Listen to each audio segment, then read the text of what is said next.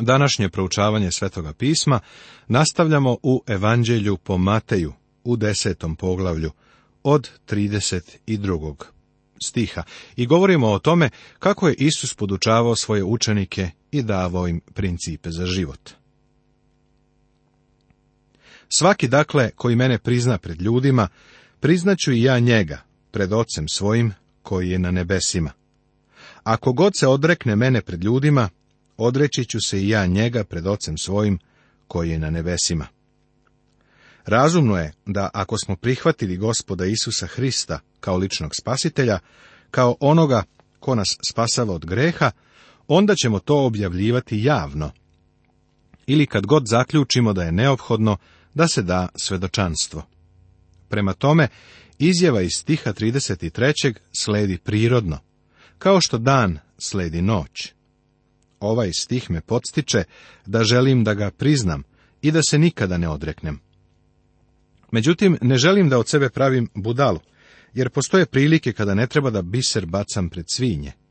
Odnosno, ima prilika kada Isusu ne dajemo čast time što ćemo u određenim krugovima upotrebiti njegovo ime.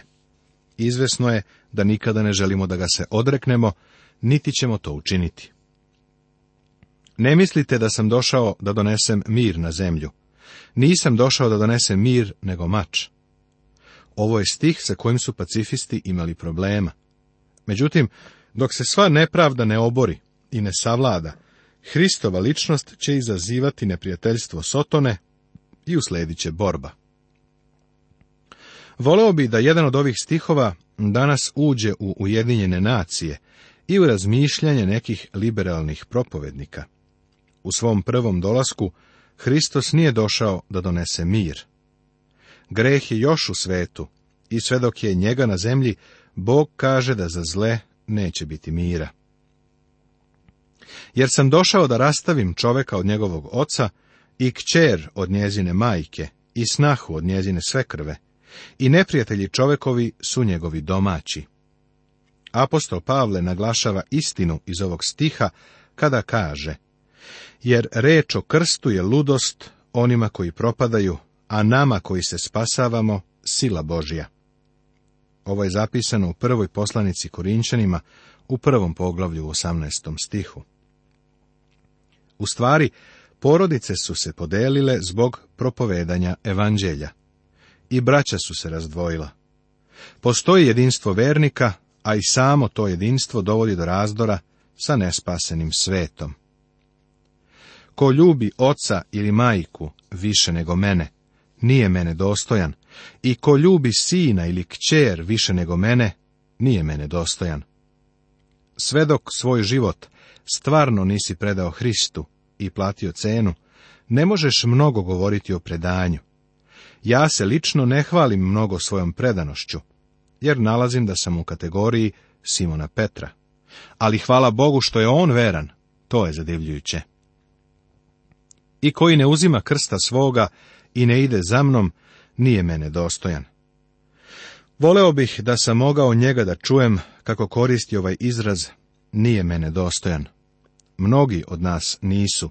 I to znači da nas on neće upotrebiti sve dok mu ne budemo stvarno predani. Ali, hvala Bogu, neće nas odbaciti. Ko nađe život svoj, izgubit će ga i ko izgubi život svoj mene radi, naći će ga.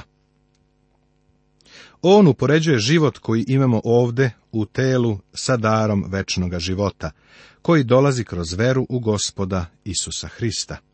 Moguće je da kada jedna osoba dođe Hristu, zbog svoje vere može biti i pogubljena. Ovo ne važi u Americi, ali čak i danas važi u nekim drugim delovima sveta. Čovek koji izgubi fizički život za Hrista, pronaći će večni život, koji će ga odvesti u Hristovu prisutnost. Uzdamo se i spremni smo da radije izađemo iz tela i da se kod gospoda nastanimo kao kod kuće.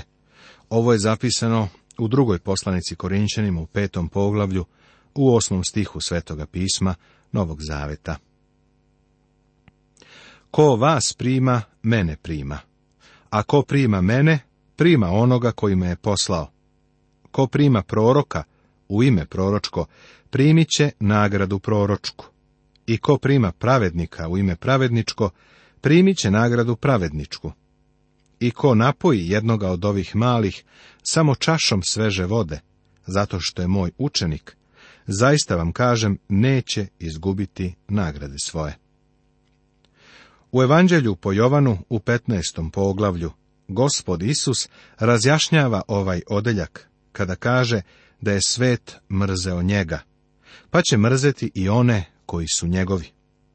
Za svet ne treba da budemo ništa popularniji nego što je to bio Isus. Naša odanost i vernost njemu u punoj meri se izražavaju u proročkoj nagradi i u nagradi pravednika. Ako braniš gospoda Isusa kao proroka, platu proročku ćeš primiti. Ako ga primiš samo kao pravednika, primit ćeš pravedničku nagradu. Ali ako ga priznaš kao gospoda i spasitelja, primit ćeš punu nagradu. Naš gospod vrlo jasno pokazuje da se nagrade daju na osnovu vernosti. Poglavlje 11. Tema Gospod Isus nastavlja svoju službu. Proveravaju ga Jovanovi učenici. Odbacuju gradove u kojima je učinio silna čuda i upućuje novi poziv pojedincima. U ovom poglavlju događaji se nastavljaju. Gospod Isus je objavio moralne norme, učinio je čuda i poslao svoje učenike da iznesu i ljudima predstave ono što on objavljuje i tvrdi, učenici odlaze na glavne i sporedne puteve, sve dok nisu prekrili sve gradove u Izraelu. Na kakav prijem nailaze? Kakva je reakcija na Hristove mesijanske tvrdnje? Da odgovor dam u jednoj reči, odbacivanje. Ovo poglavlje predstavlja prekretnicu u službi gospoda Isusa Hrista. U stihovima od 28. do 30. vidjet ćemo da on daje novu poruku, ovo je definitivno odvajanje ili rastajanje od poruke pokajanja, iako je car prisutan. I kad Isus završi zapovesti dvanaestorici svojih učenika, ode odande da uči i propoveda po njihovim gradovima. Isus je poslao svoje učenike i sam odlazi. Kako je bilo važno da se Božja reč objavi ljudima. I u naše vreme, ovo je podjednako važno. Jovanovi učenici proveravaju Isusa. A Jovan, čuvši u tamnici za dela Hristova, posla svoje učenike. Prethodno, u Evanđelju po Mateju u četvrtom poglavlju, u 12. stihu, zapisano je da je Jovan Krstitelj bio bačen u tamnicu. Sada je već izvesno vreme proveo u tamnici, ali su ga stalno obaveštavali o događajima vezanim za gospoda Isusa. Jovanovi učenici su posmatrali i pratili Isusa i o tome izveštavali Jovana. Jovan je svakoga dana očekivao da se vrata njegove zatvorske ćelije otvore i da bude oslobođen, jer veruje da Isus odmah dolazi na svoj tron i uspostavlja carstvo. I reče mu, jesi li ti onaj koji treba da dođe ili da čekamo drugoga? Pitanje Jovana Krstitelja je logično. On ima sve razloge da veruje da bi do tog vremena car zauzeo svoju vlast i moć. On je potpuno zbunjen što se gospod tako sporo kreće ka tronu.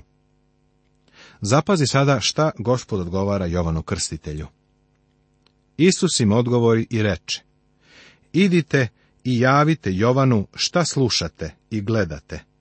Slepima se vraća vid, i hromi hodaju. Gubavi se čiste i gluvi čuju. Mrtvi ustaju i siromašnima se propoveda evanđelje. I blažen je onaj koji se ne sablazni o mene. Isusov odgovor je čudesan i može se razumeti jedino u svetlu poslanstva i povereništva, koje će, kako je u starom zavetu rečeno, imati Mesija. Ovo je direktno upućivanje na Isaju 35. poglavlje od 4. do 6. stiha, proročku knjigu koja se nalazi u Svetom pismu Staroga zaveta. Recite onima kojima se srce uplašilo, ohrabrite se, ne bojte se, evo Boga vašega, osveta ide, plata Božja sama ide, ispašće vas. Tada će se otvoriti oči slepima i uši gluvima otvorit će se, tada će hromi iskakati kao jelen i jezik nemoga pevaće, jer će u pustinji provreti vode i potoci u zemlji sasušenoj.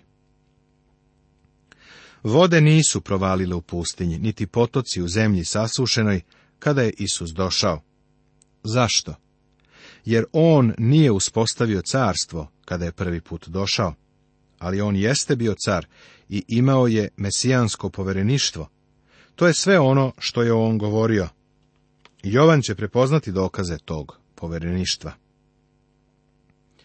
Isus ukazuje počast Jovanu Krstitelju. U sljedećim stihovima gospod Isus brani Jovana, u slučaju da bilo ko hoće da ga kritikuje. A kada ovi odoše, poče Isus da govori narodu o Jovanu. Šta ste izišli u pustinju da vidite? Trsku koju vetar ljulja. Usput da kažem, Jovan nije bio trska koju ljulja vetar. On je bio vetar koji je ljuljao trske. U naše vreme propovedaonica je postala vrlo slaba, jer je podređena tamo nekome ko sedi u klupi i kome se propovendik ne sviđa. Ili poruka se kroji po meri određene grupe u crkvi. Prečesto je propovedaonica kao trska koju ljulja vetar. Hvala Bogu za Jovana Krstitelja, za vetar koji ljulja trske. Gospod dalje nastavlja sa pohvalama Jovana Krstitelja. Nego šta ste izišli da vidite? Čoveka obučena u meke haljine? Gle, koji nose meke haljine u kraljevskim su kućama. Jovan Krstitelj je bio rogobatan, bio je oštar. Nego zašto ste izišli? Da vidite proroka? Da, kažem vam, još više od proroka. On je bio prorok, ali i više od toga. Ovo je onaj za koga je napisano, gle, ja šaljem vesnika svoga pred lice tvoje, koji će pripremiti put tvoj pred tobom. Gospod jasno objavljuje da je Jovan ispunjenje Malahije 3.1, gde piše, evo, ja ću poslati anđela svoga, koji će pripraviti put predamnom. I iznenada će doći u crkvu svoju gospod kojega vi tražite, i anđeo zavetni, kojega vi želite, evo doći će, veli gospod, nad vojskama. Jovan je bio vesnik. On je bio posebno izabran da Mesiju objavi Izraelu. Zapazi šta piše u Evanđelju po Jovanu u prvom poglavlju od 21. do 23. stiha Svetog pisma Novog Zaveta. A sada da se vratimo na Evanđelje po Mateju. Zaista vam kažem, među rođenima od žena nije se javio veći od Jovana Krstitelja, a najmanji u Carstvu Nebeskom veći od njega. Ponekad volimo da raspravljamo o tome ko je veći, Avram, Mojsije ili David. Isus objavljuje da je Jovan Krstitelj veći od svih iz prošlosti. Niko nije prevazišao Jovana Krstitelja. A najmanji u Carstvu Nebeskom veći od njega. Kada je gospod Isus došao, počeo je da poziva grupu ljudi, koji su čak veći od Jovana Krstitelja. Kako mogu biti veći? Zato što su u Hristu i obučeni su u njegovu pravdu. Od vremena Jovana Krstitelja do sada, carstvo nebesko trpi nasilje i sileđije ga grabe. Ovaj stih je teško tumačiti, jer nasilje koje se ovdje spominje može biti unutrašnje ili spoljašnje. Zle sile izvana teže ka tome da unište, to je tačno. Ali također i oni koji su celim srcem predani, uguraju se unutra, a to znači nasilno žele da uđu. Ovdje je primetna potreba i očaj. Već smo vidjeli da je jedan mladić dotrčao, pao pred Isusove noge i rekao, gospodaru, ići ću za tobom kuda god da kreneš. Postoje ova dva aspekta. Ni ja nisam sasvim siguran na što je on mislio, možda je imao na umu oba ova aspekta. Jer svi proroci i zakon prorokovaše do Jovana. I ako hoćete da usvojite, on je taj Ilija koji treba da dođe. Ko ima uši, neka sluša. Jovan Krstitelj je ispunio proroštvo o tome da će doći glasnik, kao što je zapisano u knjizi proroka Malahije u trećem poglavlju, svetoga pisma Starog Zaveta. Ali javlja se pitanje. Da je Izrael prihvatio Hrista kada je prvi put došao, da li bi Hristos uspostavio svoje carstvo odmah i da li bi Jovan Krstitelj bio Ilija? Odgovor je da. A ti kažeš kako je to moguće? Za tebe je odgovor ne znam. Samo znam da je to ono što je Isus rekao, a on može da učini ono što ja ne umem da objasnim. U stvari, on čini mnogo šta što ja ne mogu da objasnim. Te stvari jednostavno prihvatam takve kakve su. Ima onih koji se prepiru. Pa ako je Hristos nameravao da ide na krst i da umre, onda njegova ponuda da bude car nije bila ozbiljna. Ali bila je ozbiljna. Ipak, insistiraju oni, šta da je Izrael prihvatio Isusa kao car? Pa stvari u tome što Izrael to nije učinio. Ova pitanja koja postavljamo su samo šta bi bilo kad bi bilo pitanja, a činjenica jeste da su jevreji odbacili gospoda. Šta bi bilo pitanja stvaraju probleme koji ne postoje, a već je dovoljno problema koji stvarno postoje, pa ne treba da stvaramo i druge. Sljedeća dva stiha sadrže jednu od gospodnjih priča, koja je prilično ispunjena sarkazmom i ironijom gospodovu priču nije dao da povredi ili naškodi, nego da ilustruje jednu veliku istinu. S kim ću uporediti ovaj naraštaj? Sličan je deci koja sede po trgovima i viču drugoj i govore svira smo vam i ne igraste, jadikova smo i ne joukaste. Ovo je slika grupe dece koja se igra napolju na ulici. Jedna grupa kaže, hajde da se igramo sahrane. Malo se igraju sahrane, uskoro se zamore, pa kažu, hajde da se igramo venčanja. Uskoro im je dosta i toga da se igraju venčanja. Iz jedne krajnosti idu u drugu. Razmažena deca. Naraštaj ljudi kojima je Isus govorio bio je takav, a takvi su i naši današnji ljudi. Jer dođe Jovan koji niti jede niti pije, a oni kažu ima demona. Jovan je bio i strog, asketa, i ozbiljan. Njima nije bilo prijatno sa njim.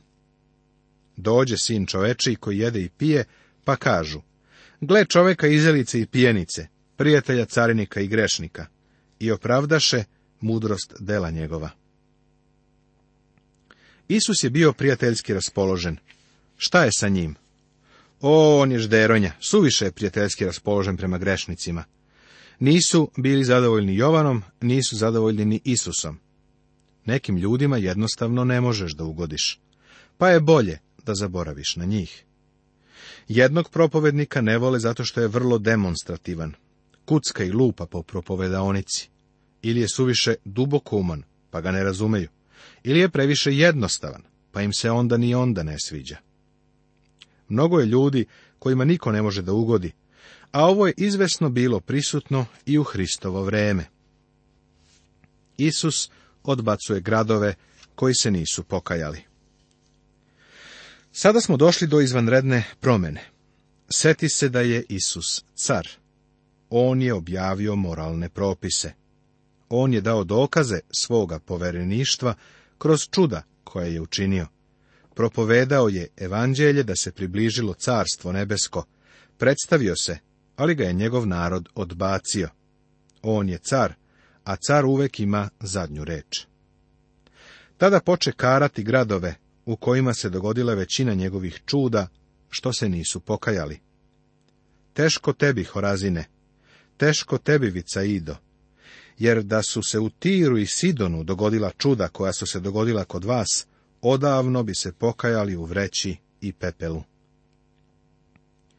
Horazin i Vicaida su bili gradovi na severu, blizu Kafarnauma, gde je gospod imao svoje sedište. U tom kraju je učinio mnoga čuda. Oni su ga odbacili, pa on sada objavljuje sud nad njima. Ali vam kažem, Tiru i Sidonu će biti lakše na dan suda nego vama. Svetlost stvara odgovornost. Gospod nikada nije obavljao službu u Tiru i Sidonu, niti je tamo ikada bilo njegovo sedište. Ali Mnogo vremena je proveo u oblasti Horazina i Viceide, pa ih drži odgovornim za svetlost koju im je dao. Kako ja razumem, u vreme Božijeg suda postojaće stepeni kazne, kao i stepeni nagrade. Čak i u naše vreme mnogo je onih koji imaju divnu priliku da prihvate Hrista, ali su mu okrenuli leđa. Bez ulaženja u detalje, dozvoli mi da kažem, ne znam šta će Bog učiniti sa osobom na malom ostrvu u Južnom Pacifiku, koja nikada nije čula za evanđelje, pa se klanja likovima, idolima i ubožava ih. Ali znam šta će Bog učiniti sa osobom koja svake nedelje dolazi u crkvu, sluša evanđelje i ništa ne preduzima u vezi sa tim. Sada gospod govori o Kafarnaumu, svom sedištu. I ti, Kafarnaume, zar ćeš se do neba podići? Do ada ćeš sići, jer da su se u Sodomu dogodila čuda koja su se dogodila u tebi, ostao bi do današnjeg dana. Kakvu su samo privilegiju imali, jer je gospod Isus svoje sedište imao u njihovom gradu. Ali oni su ga odbacili. Gospod Isus govori sljedeće, da je zli grad Sodom bio svedok, čudima koje je on učinio u Kafarnaumu, odvratio bi se od svoje zloće i ne bi zaslužio sud koji je došao na njega. Nastavit će se.